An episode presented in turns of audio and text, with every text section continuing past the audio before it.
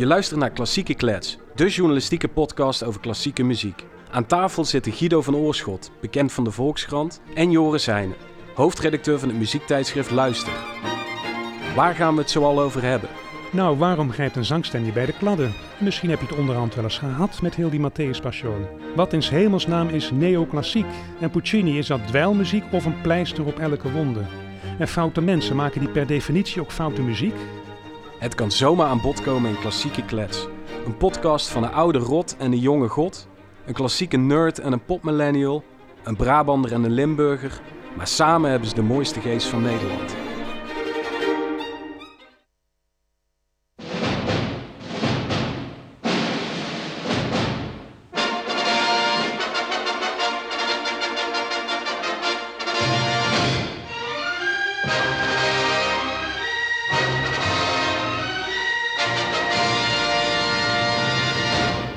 Nou, dat is net echt op deze manier, toch? Wat een vrolijk intro. We gaan het hebben over filmcomponisten en filmmuziek. En wie had dit geschreven, Joris? Want dit, dit, is, dit eh, herken ik uit mijn jeugd. Als je dan naar de bioscoop ging en er werd een mooie film vertoond, dan... Tada, dit Ja, ging er altijd aan vooraf, hè? Van een of andere filmstudio. Ja, dit is 20th Century Fox Ah. en het is Alfred Newman uit 1933. Het zijn mij overigens ook helemaal niks. 33, dan zitten we in de oertijd van de filmmuziek met dit, Absoluut. eh, Ja. deze tune. Klopt. En jij hebt je erop gekleed, zie ik. Je hebt een Ja, zwart... toevallig. een- dat zeg jij wel, maar je hebt een zwart Nee, t-shirt aan. toevallig. Echt Een zwart t-shirt aan met daarop Marlon Brando als eh, The Godfather, Il Padrino. Ja. Nee, ik was met mijn neefje in eh, mijn petekind, dus als godfather in Rome. En toen vond ik het wel mooi om dit shirt te kopen. Aha, Ja, aande- aandenken. Nou, Ja, ko- komt vandaag goed uit. Absoluut. En eh, ik ben blij dat jij hier aan tafel zit ook, want jij bent, eh, jij hebt een verleden als filmjournalist. Klopt, ja. ja. Hoe zit dat eigenlijk? Nou, ik heb gewoon jaren over films geschreven en films Ja, gerecenseerd. nee, dat, en, dat snap eh, ik. Dan ben je filmjournalist, maar je hebt En mensen geïnterviewd. journalistieke opleiding gedaan. Ja, En hoe ben jij in dat filmjournalistenvak terechtgekomen? nou, ik heb stage gelopen bij het blad van een Free Record Shop. Free heette dat toen. En dat werd later Yours. En daar eh, ben ik films voor gaan rec- recenseren, sorry. Aha, Ja, hoe lang? Hoe lang heb je dat gedaan? vijf jaar of zo. Ja, niet alleen voor dat blad, Ja. maar uiteindelijk ook voor... En eh, alles voor wat erbij media. komt kijken, nieuwe films, recenseren, eh, filmers, acteurs, actrices, spreken. Ja. Ben je ook naar de jaarlijkse parade in Cannes geweest? Ik ben wel eens in Cannes geweest, ja. ja. Ja. Nou, dan doe je serieus mee. Nou ja, god. En, en daarna ben je afgezakt naar de klassieke muziek dus. Ja, dat kun je wel zeggen, ja. nee, maar ik heb ook veel over popjournalistiek geschreven, of over popmuziek geschreven. En eh, ehm, Ja, dat ik, ik vond, ik, ik heb enorm veel liefde voor film. En ik merkte dat door dat schrijven over film, en kijk je, wat in die bioscopen komt, daar, daar zit ook al een hoop troep tussen. Maar je hebt ook nog een hele kruipruimte daaronder. En daar moet je als journalist ook gewoon naartoe. En stukjes over schrijven. En ik merkte dat dat op den duur zo ten koste ging van mijn liefde voor film. ehm, dat ik dacht, ja, ik moet hiermee stoppen. Je, bent, je bent de kruipruimte van de film gaan haten. Dat kun je wel zeggen, ja. maar wat voor mooi. klusjes komen daar dan voorbij? Ja? C-films, C, recenseren. die, die moet je helemaal uitzitten en recenseren. Ja, en vervolgens eh, eh, gaat dat rechtstreeks naar DVD, toen de tijd nog. En deed niemand iets mee. Ehm, en nogmaals, ik heb, ik heb enorm veel liefde voor film. En ik ben er ook heel erg mee opgegroeid. En mijn, mijn ouders waren heel erg filmliefhebbers. En de oom van mij was heel erg filmliefhebber. En die hebben mij ook echt aangestoken. Ehm, en ik wilde niets liever dan, in eerste instantie wilde ik heel graag films maken. En later eh, dacht ik van, nou ja, dat ga ik niet doen, dus dan ga ik er wel over schrijven. Ehm, maar dat begon me snel tegen te staan, Ja. moet ik zeggen. En daar heb je bij de klassieke muziek nog geen last van. Soms. ja, soms. Jij ook, toch? Of niet? Nee? Nou, we kennen allemaal onze eigen kruipruimte natuurlijk. Ja, ja, bij precies. Vlagen, ja. Nee, kijk, maar, maar ieder werk en iedere, eh, ieder métier heeft zo mindere kanten. Maar ik merkte heel bewust, als ik dit nog langer doe, dan ga ik een hekel krijgen aan films. Ja. En ik wil gewoon film zien als s s'avonds lekker op de bank kunnen zitten en een film kijken. Maar goed, we mogen ervan uitgaan dat jij heel veel films hebt Heel gezien. veel. Heel veel meer dan ik ook. Dat jij heel veel filmmuziek hebt gehoord. Ja. Dat jij daar buitengewoon uitgekristalliseerde ideeën over hebt. Nou, dat viel dus wel mee, kwam ik ook achter. Ik heb, ik, ik tuurlijk, weet je, de, de bekende lui, die ken je allemaal. En, eh, en daar ken je ook meerdere dingen van. Maar ik ben daar nooit op die manier heel bewust mee bezig Nee, nee. geweest. Omdat het muziek is die onder een film valt. En dat neem je mee als je naar een film kijkt, als zijnde een onderdeel van die film. Maar niet als iets losstaans. Eh, Da- daar heb ik later in de uitzending nog een anekdote over misschien. ja, Maar, ik ook eh, een stuk of eh, 39. ja, Dat verbaast me ook niet. Maar eh, de naam Erich Wolfgang Korngold, ja, zegt hij jou iets? tuurlijk, ja. Vertel. Ja, dat is de grote meneer natuurlijk. De man die het allemaal begonnen is. Of in ieder geval niet die het allemaal begonnen is, maar wel degene die ehm, aan de basis staat van de film soundtrack zoals we die nu kennen. Waar Ja. heel veel bekende Hollywood-componisten ehm, goed naar geluisterd hebben. Ja, ik het zo misschien zeggen. niet de echte grondlegger van de filmmuziek, maar wel de eerste echte grote componist van filmmuziek. Dat kun je wel zeggen, ja. Ja. Ja, Nou ja, ik ken hem ook vanuit klassieke kant. Hij is een klassieke componist. ja. Ook in 1897 geboren in Brno, Tsjechië. En in 1957 gestorven in Los Angeles, Ja, Hollywood. Hollywood. Ja. En Erich Wolfgang Korngold, dan gaat er al een alarmseintje rinkelen hè, als iemand Wolfgang heet. ja. En jawel, eh, zijn vader Julius Korngold, die was opgeleid als jurist, maar heeft ook eh, les gehad van Anton Broekner, Ja. componeerles. Die besloot zijn passie te volgen, zoals we dat tegenwoordig noemen, en is eh, muziekcriticus geworden. En een hele gevreesde, dat was iemand die in Wenen reputaties kon maken en breken. ja.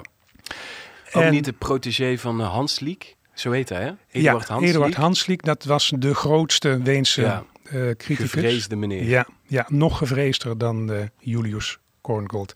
Het was een beetje een, eh, een dwingende vader. En daar hebben we nog een, een overeenkomst met Mozart natuurlijk, behalve de naam Wolfgang.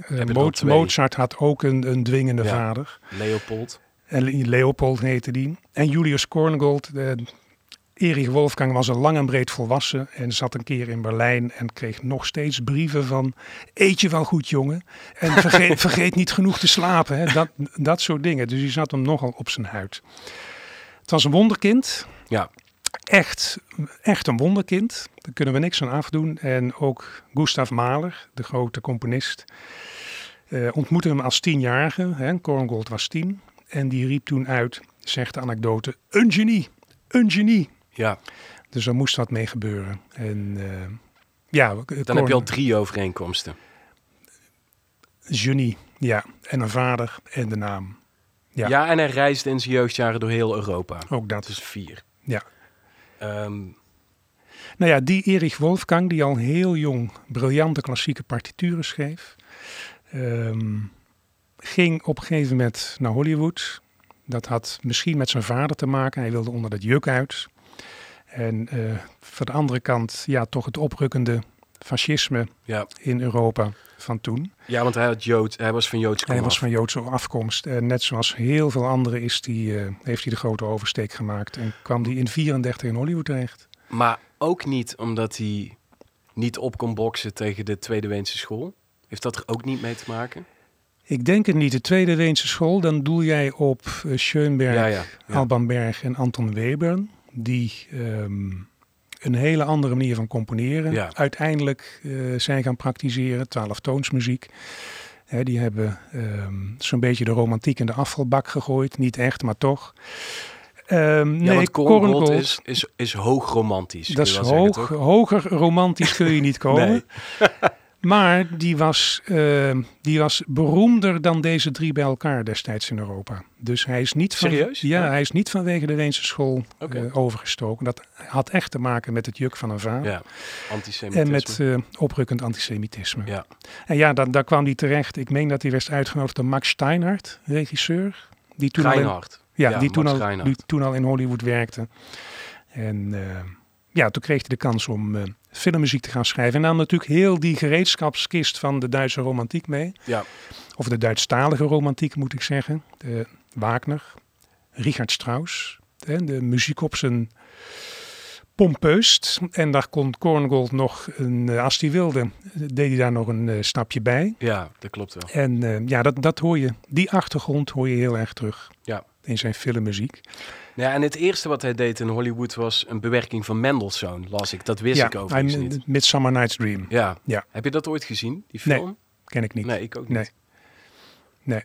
Eh, maar goed, hij, hij kwam eenmaal in Hollywood en hij maakte... Hij, tuurlijk, weet je wel, een kerel met zo'n talent... Ja. En zo'n, eh, zoals Mahler zei, genialiteit. Ik kan daar niet over oordelen of dat waar is. Ehm, maar die maakte daar meteen naam en faam. En won uiteindelijk een Oscar voor The Adventures of Robin Hood in 39. Eh, maar na de oorlog, en, da- en nou komt de tragische ook, wilde hij terugkeren naar Wenen. Ja. Eh, maar daar zette de pers hem meteen weg als... Oh, dat is die filmcomponist uit Amerika. ja, hij was vertrokken als eh, geniaal opera- en orkestcomponist. En Ja. hij kwam terug als iemand die eigenlijk een beetje was afgegleden richting de filmmuziek. Ja, En wat ook meespeelde, eh, was van ja, hè, wij hebben hier in Oostenrijk in de, in de oorlogsjaren moeilijke tijden gehad. Jij zat daar lekker in eh mediterraan Californië. ja, En nou kom je weer terug. Nou wil je hier weer je werk oppakken. precies. En, ehm, dus maar hij heeft ook het toen al werden dus filmcomposities als minderwaardig beschouwd. Ja. Ja, is toch typisch? Is dat nog steeds zo? Ja, ik vrees van wel. Ja? Ja, ik zit nu even mezelf af te vragen of ik dat doe. En ik vrees dat ik dat ook wel een beetje doe. Ja. Heb jij soundtracks in de kast staan?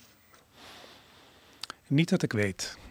Ja, ja. Zei hij heel diplomatiek. Nee, ik Ja, weet het precies. niet. Nee, ik, eh, ik heb in ieder geval niet bewust soundtracks in mijn cd-kast gezet, laat ik het zo zeggen. Dat er ergens iets zwerft, sluit ik niet uit. Maar Ja.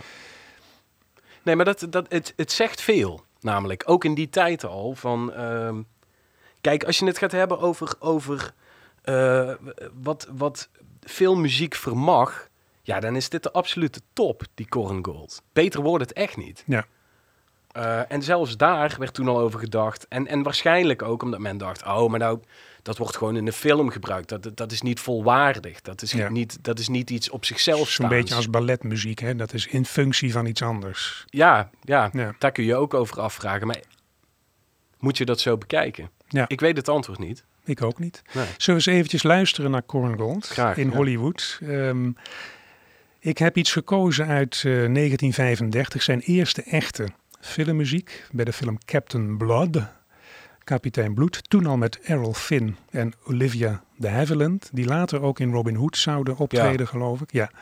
En, wat eh, met elkaar kregen. ook dat nog. Heimelijk, ja. Jij, jij weet de juicy details. Ja, ik ga je dadelijk van ja, alles vertellen over Goed, Errol laten we snel gaan luisteren naar een deel van de filmmuziek uit Captain Blood. Ja.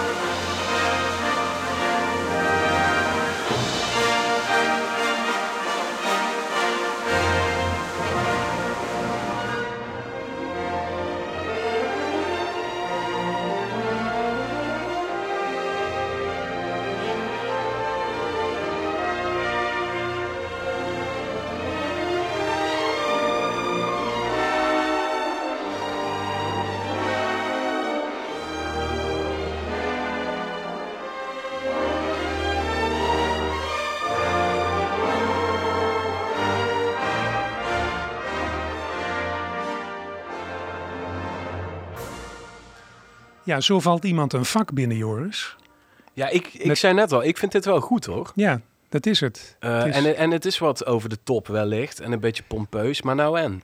Ja, maar dat kon die allemaal. Ja, en je, je hoort hier wel klasse en vakmanschap. Ja, En die, die regisseur, volgens mij is het Michael Curtis, eh, die stond wel in zijn handjes te klappen natuurlijk toen hij dit kreeg. ja, Dat, ik snap dat wel, dat hij Hollywood eh Veni Vidi Vici, zullen we zeggen. Hij kwam, Ja. zag en overwon, want hij heeft daar ook in, in weet ik veel hoeveel jaar, eh, volgens mij in, in, in 12 jaar 18 soundtracks of zo gemaakt. hij heeft ontzettend veel gecomponeerd Hij heeft heel veel gedaan. Ja, En dit, eh, dit is heel erg goed. En hij heeft vooral ook soundtracks gemaakt bij films van, eh, met Errol Flynn erin. Heel klein eh, zijweggetje, omdat ik, eh, ik kende Errol Flynn en ik wist dat hij een, een, een korte relatie, want hij was biseksueel, dat hij een korte relatie heeft gehad met Truman Capote, een van mijn eh, favoriete schrijvers. Ik ben heel erg fan van, van In Cold Blood. is echt een boek dat mijn leven heeft veranderd. Het is eh, een soort eh, journalistieke reportage over een De eh, eerste geruchtmakende moordzaak. Hè? Ja, de eerste true crime novel, kun je Ja. zeggen. Dus hij heeft een boek geschreven over een moordzaak en eh, op echte feiten gebaseerd. Maar wel als een, als een thriller opgeschreven. Maar dus ook eventjes gescharreld met Errol Flynn. Heel even met Errol Flynn. Ja. Eh, maar Errol Flynn heeft ook met The Haviland, spreek je het uit denk ik, heeft hij eh, een relatie gehad. Al, al ontkent zij dat, zou ik ook doen. Ehm, maar die Flynn, die was, wat, die speelde in allerlei piratenfilms, maar hij was naast het witte doek minstens zo'n piraat. En Marlene Dietrich, beroemde actrice, die noemde hem Satan's Angel. Dan weet je het wel. Dat is geen eretitel. En ik heb even Ja. een heel mooi, want ja, ik kan, de, ik kan het niet laten. Hij had als kind al een affaire met de schoolje, schoolzuster. Werd uiteindelijk alcoholist, junkie, een seksueel roofdier. Heeft vreselijke dingen uitgespookt. Had ook hele zieke feesten thuis en zo. Ehm, hij injecte, op een gegeven moment was ook iedereen in Hollywood wist, die man drinkt te veel. Dus werd ook verboden dat, hij nog, eh, dat er alcohol aanwezig was op de filmset. En hij injecteerde die sinaasappels met wodka, zodat hij toch stiekem kon drinken. Hij steunde Castro in Cuba. Nou, dat was in die tijd ook niet helemaal handig in de VS. En toen hij stierf, had hij een relatie met een 14-jarig meisje. Nou, tot Nou. zover shownieuws. We zijn er morgen weer. Ja, maar dit, dit is Ja. toch bizar? Dat kan Ja. ik alleen maar in die tijd. Ja. Dat, eh, ja. Ja. Ik, ik moest wel een beetje lachen toen ik het las. Hoe erg het ook is. hey, maar Korngold, je zei net al, hoog romantischer dan dat wordt het niet. Nee. nee maar jij en- vindt het ook goed. Ja, ik vind goede muziek. Ja, ja. En ehm, je hoort ook dat er in alle jaren daarna in de filmmuziek, er is vast wel het een en ander veranderd, maar dit soort klanken, dit soort romantisch Duitse klanken, die Ja. Korngold heeft geïntroduceerd, die zijn heel veel componisten gewoon blijven gebruiken. Absoluut, ja. ja. Zou je dit thuis draaien? Nee. Waarom? Niet? Ehm, ja, thuis draai ik andere muziek als ik muziek draai. Ja, dat is te makkelijk. ja. Maar gewoon omdat het dan toch te zeer aan een film hangt... of te, te, te weinig op zichzelf staand is... te zeer een dienst staat van iets groters. Er is zoveel muziek om te draaien en te luisteren, eh, om te kiezen. Ja, Ik, ik zou dit niet meteen kiezen, denk ik. Maar ik vind wel dat goede muziek is. ja. Maar als ik alle muziek die ik goed vind thuis moet gaan draaien, dan houdt het niet meer op. Nee. hij noemde zijn, eh, zijn soundtracks noemde hij opera's zonder woorden. Ja, Dat vind ik wel mooi. Ja. Dat, dat is ook wel een beetje wat je hoort. ja, Maar eh, wa- waar we ook mee, die podcast mee begonnen... Kijk, het- is ook niet voor niets dat we met Korngold beginnen. Ehm, iedereen na hem is in zekere zin schatplichtig aan hem. Vooral, en dat wordt onze volgende eh gegadigde, John Williams. Eh, die, die heeft nogal goed daarna geluisterd. En dat gaat misschien zelfs nog wel ietsje verder. Eh, ik wil graag even gaan luisteren naar de main title van King's Road. Is een film van Sam Wood uit 1942. Ronald Reagan speelt er nog in mee. Ehm, de latere president. ja, precies. Nou, we gaan even luisteren.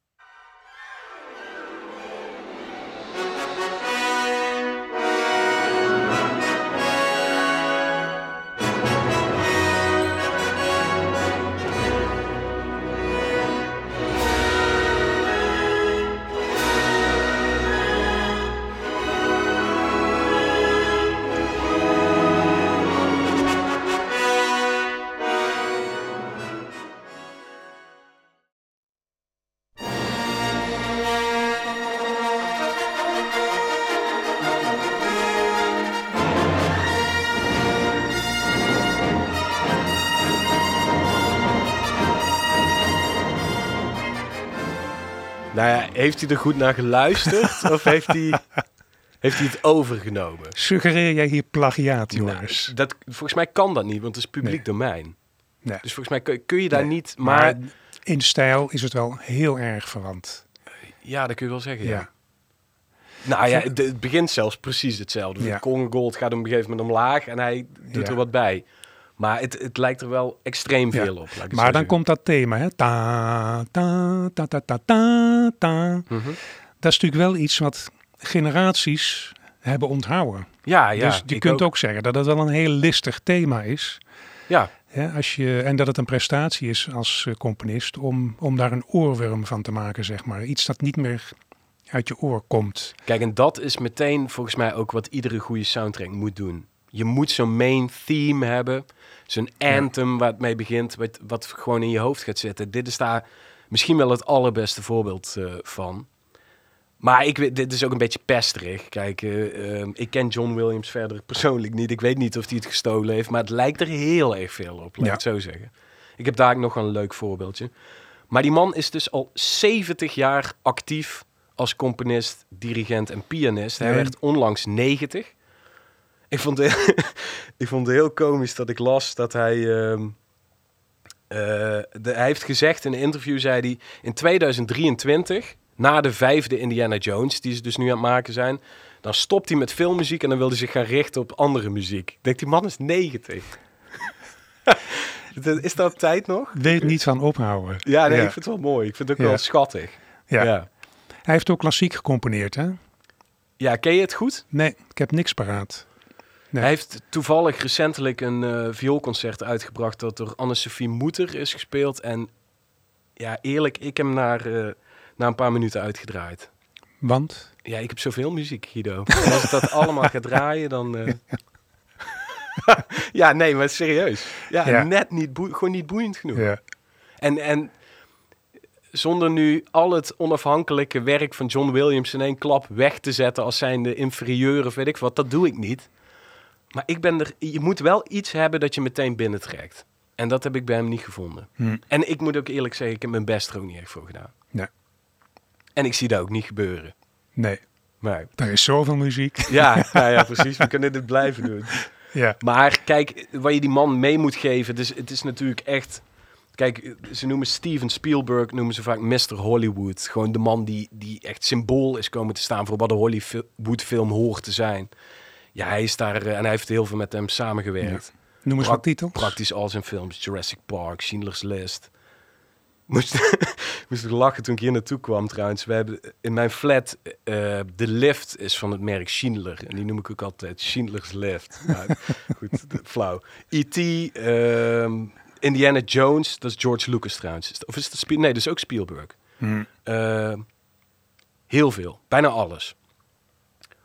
Ehm, dus je, je, je kan die, je kan die Williams, ja, dat is toch een beetje de, de muzikale equivalent ook van zo'n Spielberg. Van ja, het moet goed in het gehoor liggen. Het moet niet, Ja. te, het moet niet te, te heftig worden. Het, het is echt, echt Mr. Hollywood ook. Nou ja, John Williams heeft er iets van 25 Grammy Awards mee gewonnen. hè? ja, Met- vijf Oscars. Met zijn filmmuziek. Ja, Ja, dat is, dat is toch echt bizar. prijs En- na prijs. En alle deuntjes, al zouden we ze nu allemaal gaan draaien, iedereen die, die naar deze podcast luistert, kent ze allemaal. Ja. Niet, niet eh, één of twee, maar echt allemaal. Dat is toch Dat is- heel frappant. Dat is frappant en heel bijzonder. Ja, dat, zijn oorwormen, Ja. inderdaad. Ja, dat, dat, eh, dat we aan de ene kant zeggen, ja, daar ga je niet een hele avond naar zitten luisteren. Maar Ja, van elke film, van elke titel onthoud je wel die oorworm. ja. ja jij Ja. vond Harry Potter ook goed, toch? Ja, dat, dat heb ik altijd. eh, die heb ik met mijn kinderen gezien, die films in de bioscoop. Leuk. En dat deuntje zit heel listig in elkaar. Ja, En ook hoe het geïnstrumenteerd is. Hè. Ik denk met een celesta of zo. En een beetje toverachtig en Ja. raadselachtig. En, Ja. eh, dat gaat niet meer uit je hoofd. nee, dat, en dat is super knap. Ja, Maar dat is dan in dienst van een film. Ja. Eh, en en da- daar hebben we het nu ook over, dus dat is ook prima. Maar ik moet, eh, ehm, ik wilde nog wat laten horen. En ik weet nog wel dat mijn moeder, en zij kwam uit 1945, enorm onder de indruk was van die film Jaws. Weet je wel, die haai die aankwam. En ik, ik, ben, ik ben natuurlijk van 1984, dus toen ik eh, op de leeftijd was dat Jaws kon kijken, vond ik het oud en gedateerd en niet zo heel spannend. En Ehm, dus het is een film die mij. Het is een klassieke film en het is ook een goed gemaakte film. En eh, ik wil er verder ook geen afbreuk aan doen. Ehm, maar het, pakte mij minder in die zin. Maar ik wil heel even gaan luisteren naar de teamsong uit Jaws van John Williams.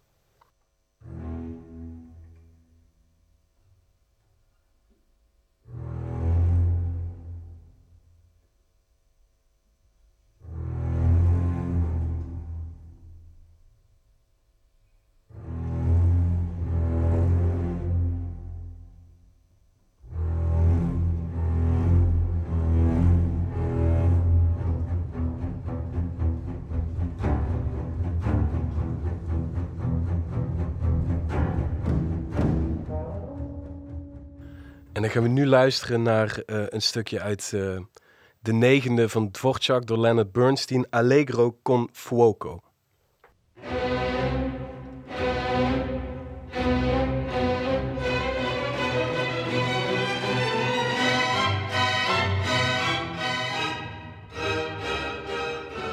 Heeft iemand voor jou dit al geconstateerd of is dit een ontdekking van jou? Nee, eh, dit heeft wel iemand voor mij al geconstateerd. Ik ben even het internet opgegaan, maar er zijn zoveel dingen. Ik heb er gewoon Ja. twee uitgekozen die ik heel frappant vond. Ja.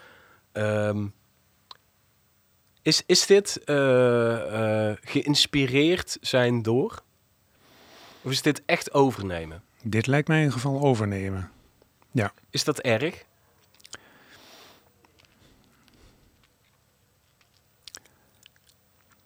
Toen viel er een stilte. Is dat erg? Ja, ik weet het ook niet zo goed. Ik weet het ook niet. Nee. Kijk, het, volgens mij is het publiek domein, dus hij mag dit doen. Het is in feite geen plagiaat. Ja. Maar, Het is. Ja, wil je dat als componist om het zo over goeie. te nemen? ja. Ja. Nou, je kan ook zeggen van, eh, ehm, die Dvorak, die had iets heel spannends te pakken. Ja. En hij heeft dat uitgebouwd. Ja. Ik wil niet zeggen verfijnd, want ik vind die negende van Dvorak een stuk beter dan dat. Maar ja, ik moest er wel om lachen, laat ik het zo Ja. zeggen. Het bevestigde weer jouw beeld van John Williams als iemand die eh, Ja, ik, links ik- en rechts dingen bij elkaar harkt. Ja. Ja, ik denk dat. Kijk, ik, ik heb geen zin om hier eh, eh, de, de man helemaal af te gaan branden. Want Ja. daarvoor heb ik ook te veel plezier geput uit de films waar hij muziek voor heeft geschreven. Ja. Ja. Maar of ik het nou echt een goede componist vind, ja, dat vind ik Ja. een moeilijke. Ja. Nou ja, we hebben het eh, al gehad over eh, de status van filmmuziek en componisten die zowel filmmuziek als, eh, eh, laten we zeggen, klassieke kunstmuziek schrijven. Ehm, toen dacht ik, ja, in Nederland, wie heeft dat gedaan? Wie heeft die twee dingen gecombineerd? En toen kwam ik uit op Otto Ketting. ja, ja. Die leefde van 1935 tot, tot 1935 tot 2012. Mhm. Zoon van de comp- eh, componist Piet Ketting. ja. Dus het was echt een ketting. Het was echt een ketting. Ja. Componistenketting, En ja. eh, hij was trompetist, opgeleid als trompetist, heeft in de jazz scene gespeeld, heeft Ja. in het residentieorkest gespeeld onder Willem van Otterlo. Nou ja, ja. En in de jaren 50, begin 60 was het residentieorkest onder Van Otterlo was echt eh, op hetzelfde niveau als het concertgebouworkest was. Heeft ontzettend veel plaatopnamen gemaakt die liefhebbers nog over heel de wereld eh, bij elkaar zoeken. En ja, Otto Ketting was eh, groot talent. Op zijn 23e schreef hij zijn eerste symfonie, die was een groot succes. En in 1972 een ensemblestuk Time Machine. ja. Dat had echt een rauwe energie die heel Ja. de wereld over is gegaan. Hè? Louis Andriessen heeft ook van dat soort stukken geschreven. Maar misschien was Otto Ketting hem nog wel net voor. En ja, dus ja, heel Ketting, veel was, hè? Ketting was van alle markten thuis. En dat Ja. merkte ook Bert Haanstra, de regisseur, Ja. die eh, in die tijd allerlei documentaires heeft gemaakt. Onder andere Bij de Beesten Af en Alleman. En op YouTube is dat allemaal nog te vinden. Ehm, en die kwam Ketting op het spoor en heeft hem gevraagd om muziek te schrijven bij Alleman. Hè. Dat is een documentaire Ja. over ja, Nederland en zijn toen nog maar 12 miljoen bewoners. En dat is een soort, eh, ja, een beetje ironische en ook serieuze blik op het leven van de Nederlanders van toen. Het is Ja. gefilmd in zwart-wit. Vlak voor ook de Vlak, opkomst van ja, ja, en- tegencultuur. Ja, en met heel veel eh, luchtbeelden. Hè? En het- Ja. als je dat nou terug ziet, dan denk je, oh ja, ze hebben een drone. Oh nee, een drone was er nog niet. Dit is maar daar doet het aan denken. Hè? De- Ja. die, die blik van boven van de delta werken en zo. Ja, En, ik, eh, ik kende hem. Ik heb gisteren nog wat fragmenten inderdaad op YouTube terug zitten kijken. Ja, ik vind dat hartstikke leuk. Ja. Ook, het, het is overigens de, de best bezochte eh, documentaire in Nederland aller tijden. Kijk. Ook Oscar genomineerd. Ja, en, en waar ik gewoon totaal weerloos voor ben, is Carmichelt. Ja. Die stem is die heeft de tekst daarbij geschreven en die, die Ja, hij draagt het- dat ook zelf voor. Ja, die hij vertelt het- dat Hij zelf. heeft het ja. voorgedragen en hij heeft ook aan het scenario meegeschreven. Ik, ik, ik vind dat zo'n prachtig En dat figuur. draagt in hoge mate bij aan de ironie die je soms voelt. Ja, omdat je die stukken van hem kent. Ja. Van, eh, ik moest ook meteen, eh, was ook wel eens een klassieke van hem. eh, de, eh, de geheel-onthouders hebben gelijk, maar alleen de drinkers weten waarom. van die, weet je wel, van ik heb Ja. vroeger heel veel van die kronkels gelezen Ja. en zo. En dat heeft mij ook- Columns van Carmichelt. ja, ja, en het parool. En dat heeft mij enorm eh, geïnspireerd ook in mijn eigen schrijverij. Van, Ja. van als je hem leest, van alles mag. Alles kan en dit is ontzettend vindingrijk. En ik vind, hem- ik vind hem echt een prachtig figuur. En, Ja. als je die, en later is hij die kronkels ook voor de VPRO, denk ik, voor gaan lezen. Is, Ja. Was het VPRO? Ik denk het wel, hè? Of Vara. Vara, denk ja, ik. dat zal wel. Ja. En ehm, ja, ook smullen. Dan zie je die Ja. weerse kop daarbij. En Ja. ja, ja de, de, de, de ironie druipt er vanaf Ja. en het sarcasme. Ja. Maar dit, dit is een hele mooie eh, documentaire. Maar Ketting, sorry. Ja, Otto Ketting die heeft daar dus eh, muziek bij geschreven. En ik wilde even het, het begin laten horen. En ik moet me bij voorbaat excuseren voor de kwaliteit. Want ik heb het alleen maar in een hele slechte kwaliteit op internet kunnen vinden. Maar eh, zo klinkt dan dus het begin van de documentaire Alleman.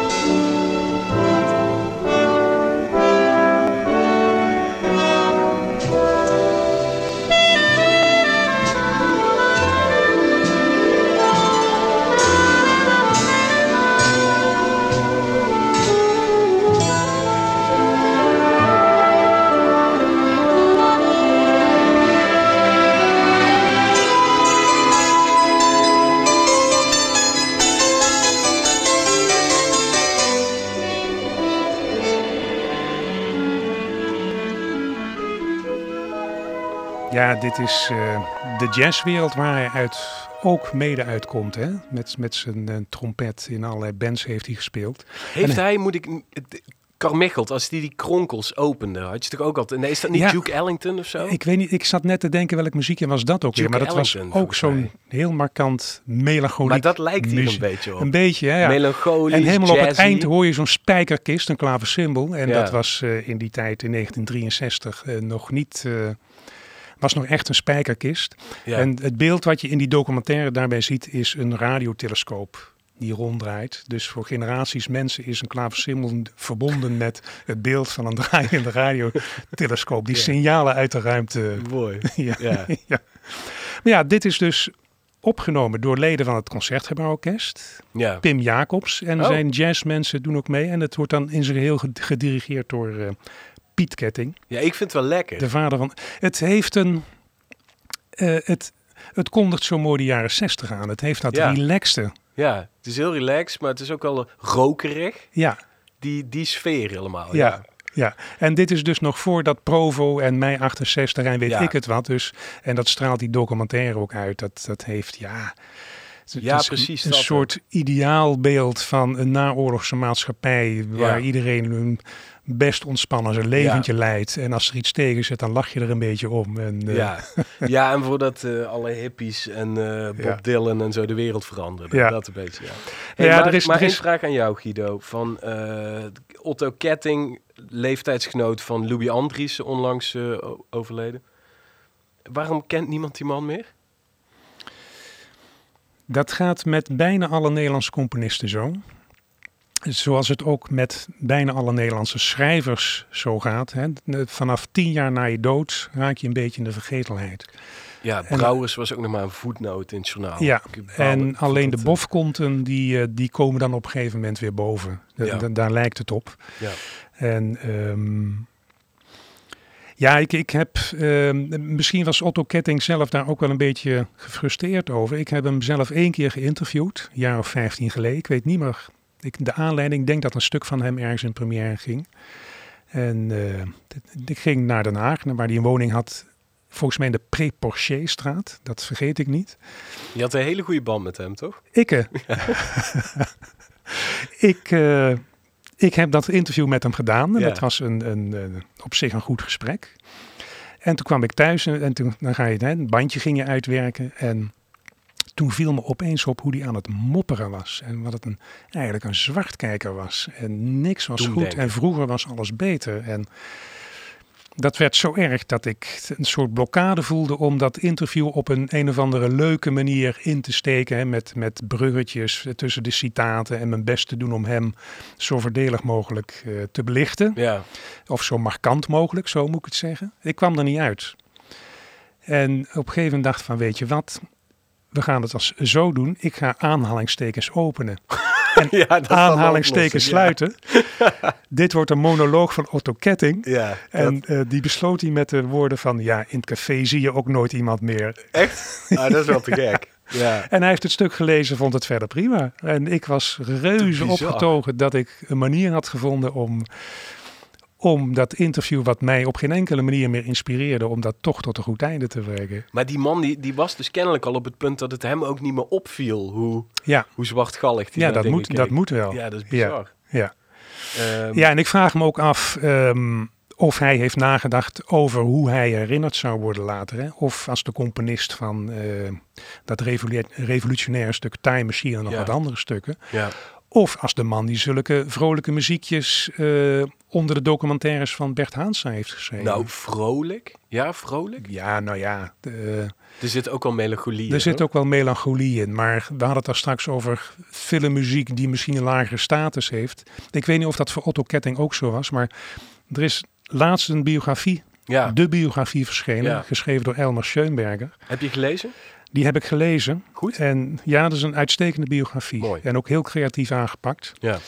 Maar goed, Elmer Schoenberger, wiens oordeel je over muziek eh, je hoog mag inschatten, die schreef over eh, deze muziek bij Alleman, en nou citeer ik, in jazzy baslijntjes mag soms voorzichtig de moderne tijd doorbreken. In montere fagotmelodietjes en pastorale hobo-solo's klinkt tevredenheid met in het verleden behaalde resultaten door. Ja. Ja.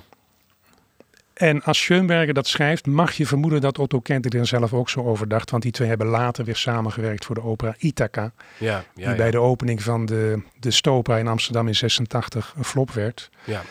Ehm, dus ja, het, het status, hè? ehm, serieus componeren, filmmuziek componeren, ook hier speelt dat een rol. Ja, als, als in het wordt een beetje weggezet als zijnde inferieur. Ja. Bedoel je dat? Ja. En Ketting heeft er zelf ehm, Ik vind het wel aardig. op een ander moment, ik, ik vind het heel aangenaam om Ja. naar te luisteren. Ja. En het geeft ook een mooi tijdsbeeld. Dus het moet bijna wel goede muziek zijn, hè, als je dat soort dingen zegt. Ja, of, ja. Maar Ketting zelf heeft ook nog wel iets over, gezegd over het wezen van filmmuziek. En daar hebben wij de af, eh, afgelopen al eventjes aan geraakt misschien. Eh, hij zei, het notenbeeld van filmmuziek is niet om te zien, maar om te horen. En, ik geef het toe, zelden om naar te luisteren. Dus Ja, ja. je hoort filmmuziek wel, maar luister je ook naar filmmuziek? Nee. Nee, het staat in dienst van wat je ziet. Ja. Van de beelden en het moet het ondersteunen. Dat is tenminste de aloude gedachte. Hè? We gaan daar zo nog wel een beetje aan, aan eh, tornen. Eh, maar laten we eerst heel even gaan luisteren naar iets wat iedereen kent.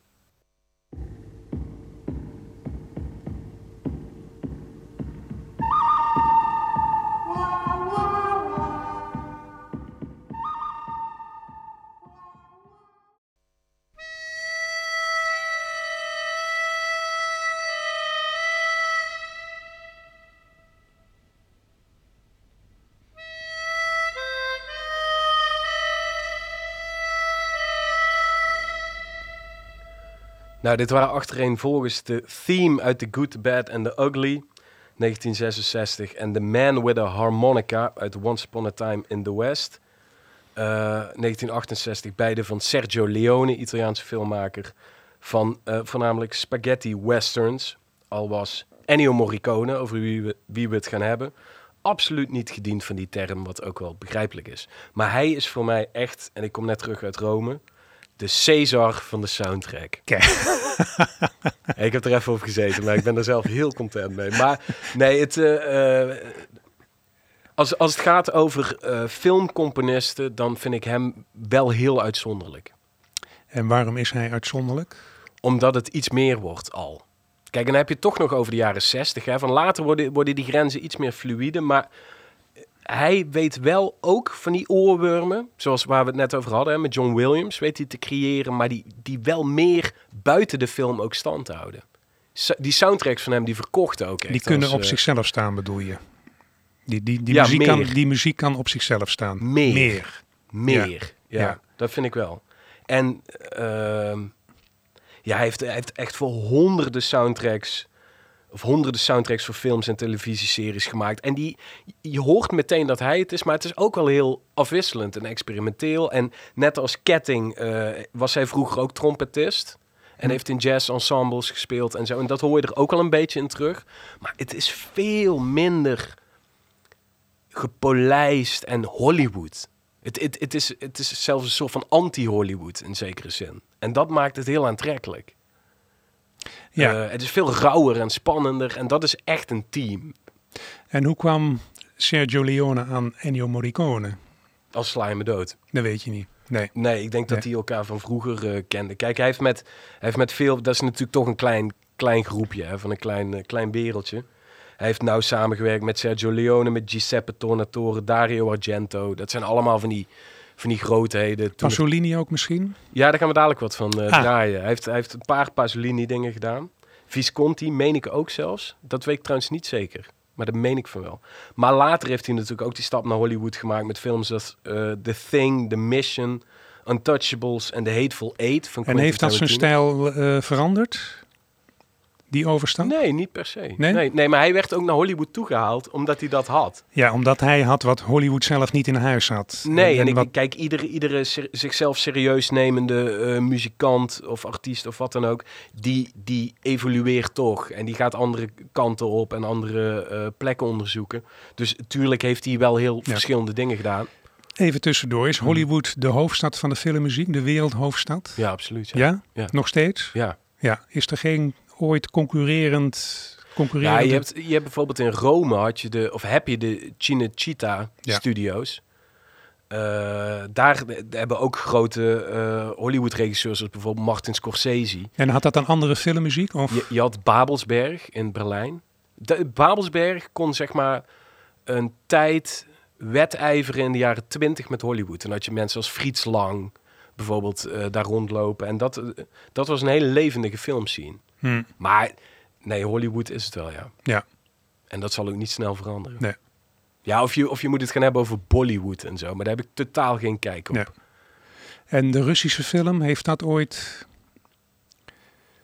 Ehm, ja, je hebt wel een grote Russische Ja. filmindustrie. Ja. ja. Maar die heeft Hollywood nooit beïnvloed? Of eh, die, die stond meer op Nou, of zichzelf? dat elkaar beïnvloed heeft, dat durf, Nee. dat durf ik niet te Nee. zeggen. Maar dat, dat is wel ver van elkaar verwijderd, laat ik het zo zeggen. Ja. Maar zo wij nog heel even gaan luisteren. Ik heb een fragmentje uitgekozen waar ik zeker van weet. Wat, wat we net draaiden is natuurlijk over en over bekend. Daarom draaide ik het ook als een soort van contrast. Een fragmentje waar ik zeker van weet dat niemand het kent. En een goede vriend van mij, die tipte mij dat. Omdat wij onlangs die film hebben gekeken en eh, echt hard om hebben gelachen. En ik, die film zei me helemaal niks. Die heet De Heksen. Le Streghe op zijn Italiaans.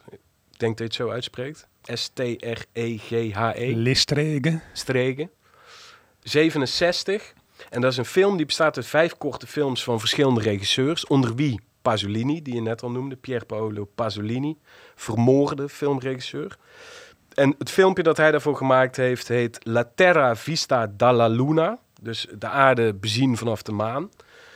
Eh, de hoofdrol wordt gespeeld door Toto. Dat zegt jou misschien ook wel iets. Die beroemde Italiaanse Ja. komiek. Nou, het zegt, ja. Ja, wereldberoemde vent. Eh, en het is echt een knotsgek filmpje eh, waarin een vader en zoon een vervanger zoeken voor een gestorven vrouw slash moeder.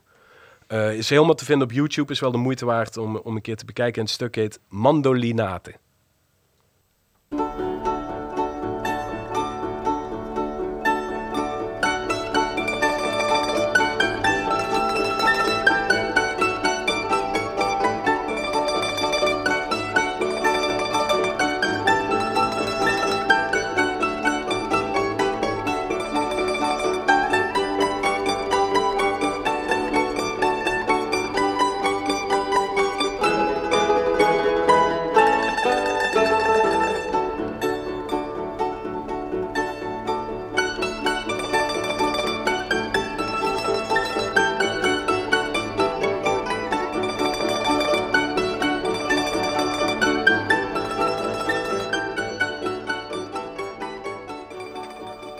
Guido, en nu jij. Ja, dit suggereert vrolijkheid. Ja, dus ook een soort van halve clownsachtige film, maar eh, Ja, het heeft ook iets tragisch. Vind je Ja. niet? dat hoor ik er nog niet in. Nee. Ja, misschien meer omdat ik dat filmpje ook gezien Ja. Maar Maar het contrasteert het met... eh, ik, ik hoor vrolijkheid, maar dat kan contrast, contrasteren met iets in de film. ja, het heeft een beetje een Pierrot gehad. hè, Ja, van het is met een lach Ja. en een traan. Ja, Eh, ja, ik, ik moest daar hard om lachen. Dus de moeite waard om eh, op YouTube een keer terug te Ja. kijken. nee, ik, ik viste net naar eh, de Sovjetfilm. Ja, Want ik had een keer een, eh, in, in het licht van deze uitzending bijzondere ervaring in Weimar. Ehm, wij zaten daar een week met vakantie en in een villa die duidelijk in de DDR-tijd was gebouwd. En ehm, die villa had een enorme kelder met film. Heel veel eh, op celluloid, zeg ik maar, hè, video, maar ook Ja. DVD al. En eh, ik heb daar gewoon eens een film uitgepikt, Anna Karenina. maar die, die villa huurde jij. Ja, die, die konden we huren. En ja. die stond bomvol met films. Ja. Wat leuk. Ja. ja, dus we hebben toen Anna Karenina zitten kijken. En op een gegeven moment dacht ik van die muziek, die muziek. Dit is geen gewone filmmuziek. Nee. Deze muziek trekt mijn aandacht. En ehm, toen heb ik even op het, eh, op het covertje gekeken. En daar stond de naam, en die kan ik nooit goed uitspreken zonder te stotteren. Rodion Shchedrin. Oh, Shchedrin. ja. Shchedrin, moet ik misschien zeggen. Eh, film, vergeten, film uit hoor. 1967. En ehm, mijn vrouw had hetzelfde. Die zei, ja, maar die muziek, dit, dit is geen filmmuziek. Dit is veel beter dan filmmuziek. Ja, En dat bleek dus maar eh dat zegt ook wel alles. Hè? Te zijn. Ja. En ehm, later kwam ik nog een keer op het pad van de Russische cinema. Toen ik ehm, Sofia Gubaidulina zou interviewen Oh, wauw. beroemde Russische componist. Ze woont nu alweer 30 jaar in, in eh, Noord-Duitsland. Ze is na, het vallen, na de val van het IJzeren Gordijn eh, geëmigreerd. Woont ze niet in Hamburg of zo? In de buurt van. Ja. Ja, het plaatsje heet Appen. En ehm, nou ja, had zo'n interview bereid je natuurlijk voor. En ik heb het er verder niet met haar over gehad. Maar zij bleek ook filmmuziek te hebben geschreven. Ja, mooi. En dat was niet uit luxe, want zij was een van die ehm eh, Sovjet-componisten die niet mee wilde marcheren in de standaardstijl, in het, in het realisme dat verlangd werd, Ja, het, het, het heroïsche componeren, wat onder Stalin eh, verplicht was. En ehm, zij koos haar eigen weg en kreeg te maken met tegenwerking vanuit de partij. En de beroemde Tichon Grennikov, de, de componistentsaar, hè, die, die besliste over leven en dood bijna. Eh, die noemde haar muziek een waanzinnige stroom van kabaal en gekrijs vol gebrabbel. nou, nou, in de Sovjet-Unie wist je dan wel hoe laat het was. steek maar in je zak. Ja. Ja. precies. Zij moest iets anders gaan doen dan serieus componeren. En dat werd filmmuziek componeren. En ehm, Shostakovich heeft later wel tegen haar gezegd, ga maar zo door. precies. Oh, dit, Ja. dit, je bent op de goede Ja. weg. Ja, Ja, blijf Wat- vooral je eigen weg volgen. En dat, dat is ook gebleken dat ze dat moest doen. Maar nog, Maar- maar nog iets, meer, iets meer over haar, heel even, ook voor Ja. de luisteraar. Diepgelovige Ja, componisten. de, zij is ehm, op een gegeven moment heeft ze zich laten bekeren tot, het, tot de Russisch-orthodoxe kerk, Ja. christelijke kerk. ja, daar moet je nu niet meer aankomen. Nee, en ehm, daar houdt ze nog steeds aan vast. En ze heeft een enorm gevoel voor mystiek. Ja, En ze vert- vertelde in dat interview ook hoe zij componeert. Ze zei van ja, en, en toen was al eind tachtig. ehm, ja, ik krijg een soort visioen van klank. En eh, ik overzie een compositie in één keer. En dan moet ik dat visioen op papier gaan zetten. Dat is het zware werk. En als ik dan weer in de concertzaal zit bij de première en ik hoor dat visioen terug, dan weet ik dat God bestaat. oh wauw, mooi. Ja. Ja, dat is goed. Dus zij is met huid en haar, met hart en ziel helemaal verbonden met het, het- de mystieke kant, de goddelijke kant van het Ja. componeren. Ja, maar ik- zij heeft dus ook in, in, in de jaren 60 vooral, ehm, of in de jaren 70 filmmuziek geschreven. Meerdere dingen ook. Voor, dan, nou, dat weet ik niet zeker. Ik kwam één ding op het spoor. Ja. Dat was een Russische versie van Jungle Book. Ja, ja, precies. Niet de. Walt Disney versie, maar echt een, een zelfgemaakte Russische versie. En daar heeft zij de muziek bij geschreven. En daar wilde ik even een stukje van laten horen. Wederom niet heel goed van kwaliteit, maar we doen het ermee.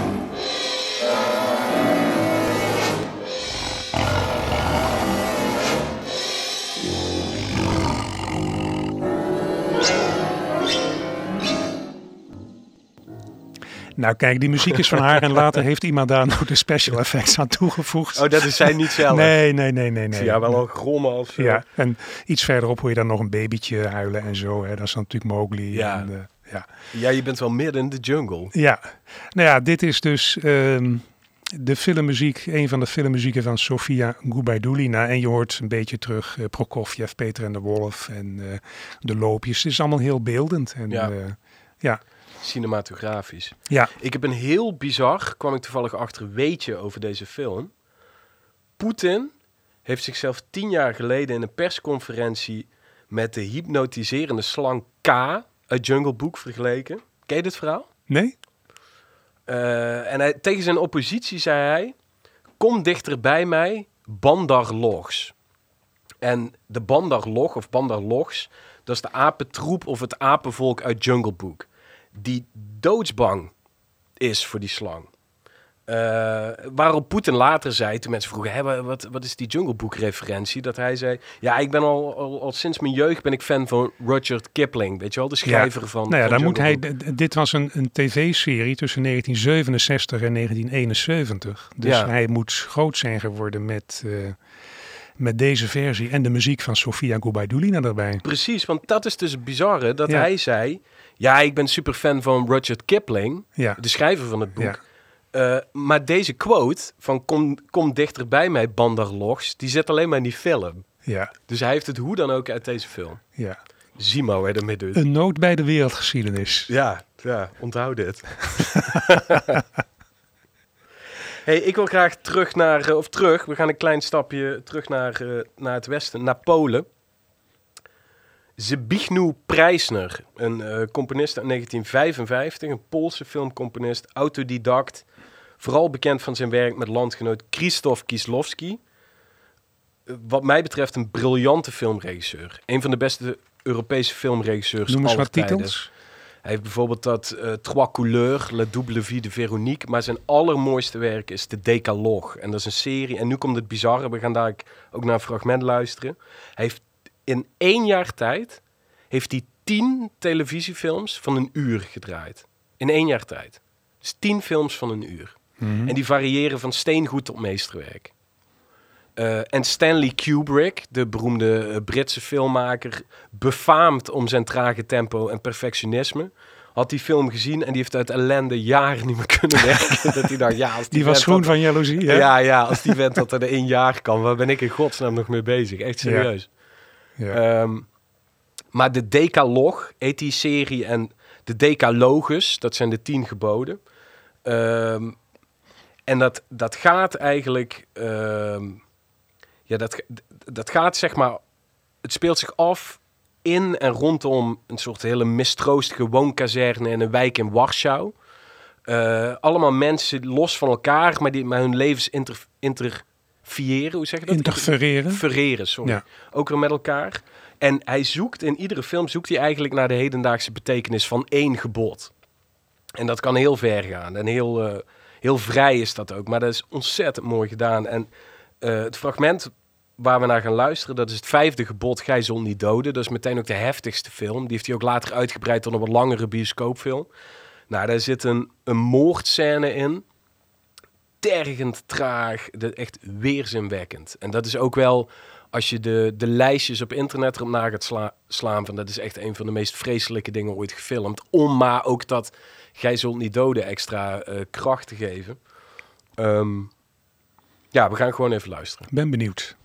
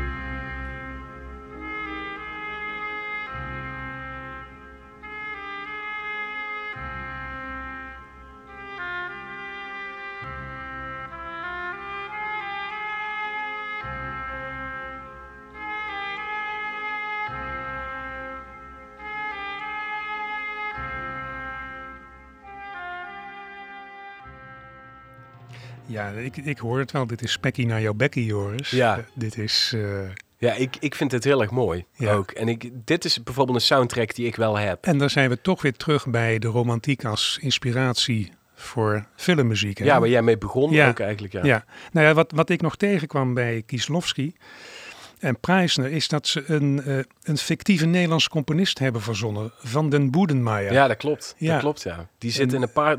ze citeren dan, zeg maar, stukken van hem. Die natuurlijk ook gewoon van hemzelf zijn. Ja. Ja. maar dat, daar is dit geen voorbeeld van, bijvoorbeeld dat Hobo-lijntje. Of, Dat, eh, dat durf ik niet te zeggen. niet, nee. Ik weet wel dat ze dat figuur... Want dat is een 18e eeuwse componist uit Nederland of zo. eh, fictief, ja. Ja, dat ze die verzonnen hebben omdat ze zo dol waren op Nederland. dat is echt waar. Dat kwam ik ook niet tegen. Waarvan Maar ik, ik ja. noemde net al even Stanley Kubrick, die dus die Decalogue-serie zag en dacht, ja, als die man dat in een jaar kan.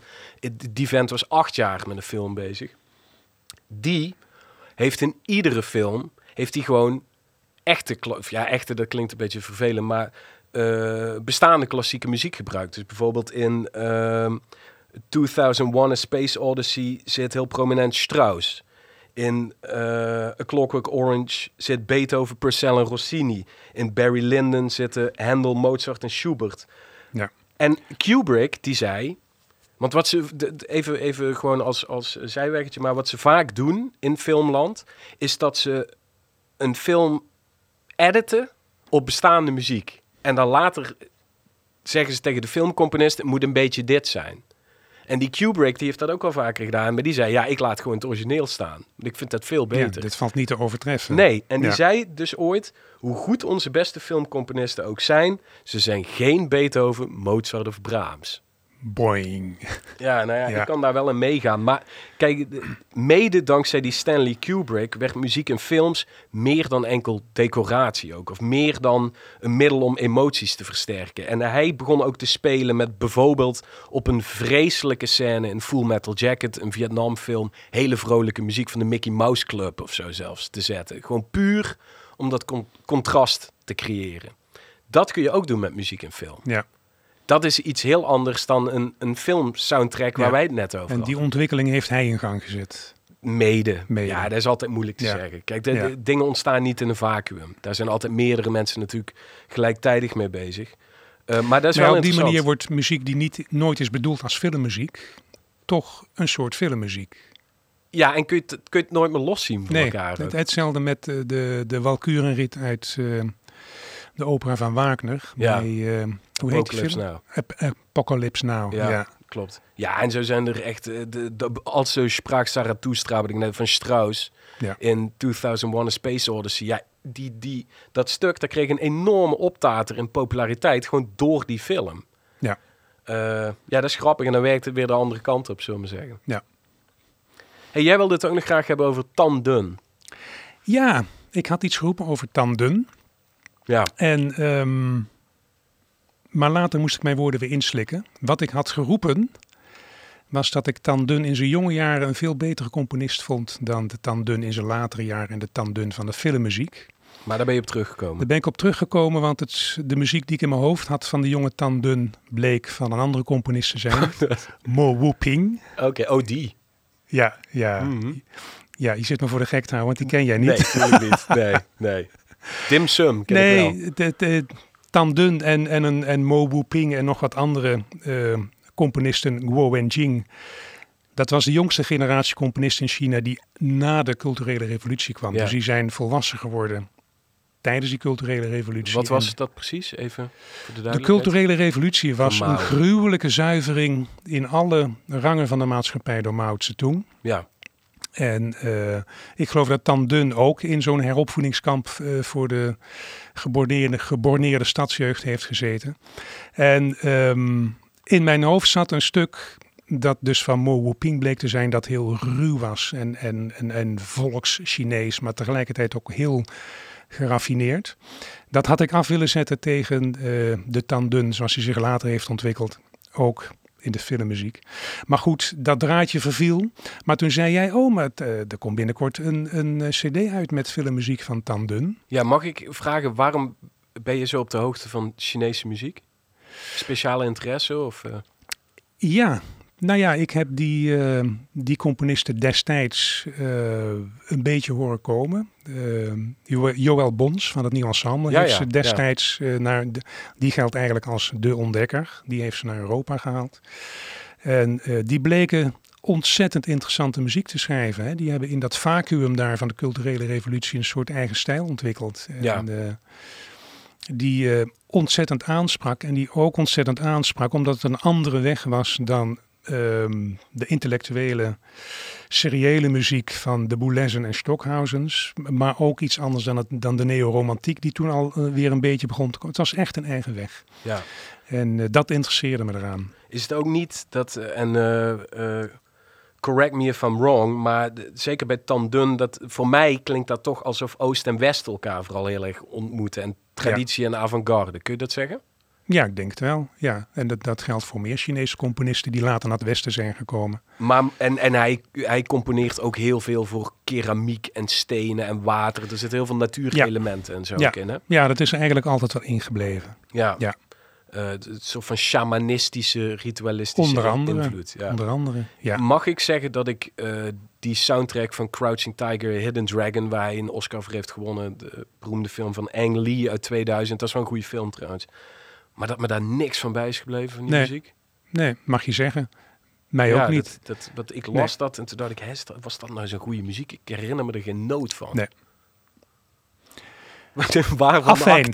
Tandun was alweer bijna van tafel verdwenen. Nee, nee, nee, we hebben iets maar, heel leuks. Ja, toen kwam een cd met uh, filmmuziek, onder andere filmmuziek van hen door Nederlandse pianist Ralf van Raad. Ja, een warm pleitbezorger van ja. hedendaagse muziek. Ja. Hij heeft een cd opgenomen die heet Eight Memories in Watercolor. En daar staat een stuk op en dat heet Film Music Sonata. En daarin heeft Tan Dun uit zijn eigen soundtrack voor de film The Banquet... heeft hij geput. Een film van Feng Xiaojiang. Als ik het goed uitspreek, Guido, jij bent nogal op van Chinees. Feng Xiaogang. Oh, zo spreek het uit? Feng Xiaogang, ja. Oké. Okay. Uh, sorry, uit 2006. Maar hij heeft vier verschillende sferen. ja, ik zit hier ineens met een kenner. Ik word er helemaal rood van. Uh, hij, heeft, hij selecteerde vier verschillende sferen en stemmingen uit zijn eigen soundtrack. En daar heeft hij een pianosonate van gemaakt. En die heeft Ralf van Raad opgenomen. En op de cd van Ralf van Raad, die overigens 1 juni uitkomt via Naxos... Uh, staat ook een stuk The Fire, wat Tandun speciaal voor Van Raad heeft gecomponeerd. Maar we gaan dus luisteren naar Film Music Sonata en dan het tweede deel en het heet After Tonight.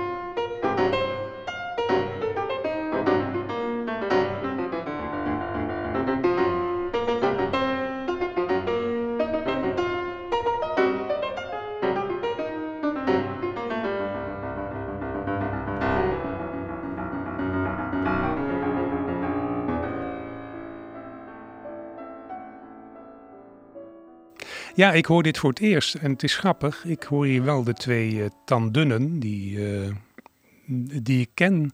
Hè, de, de, dat basgedoe in het begin, dat, Ja. dat doet me du- denken du- du. aan, aan de Peking-opera. Met, met dat zware slagwerk en, en het Ja. ritmische gedoe.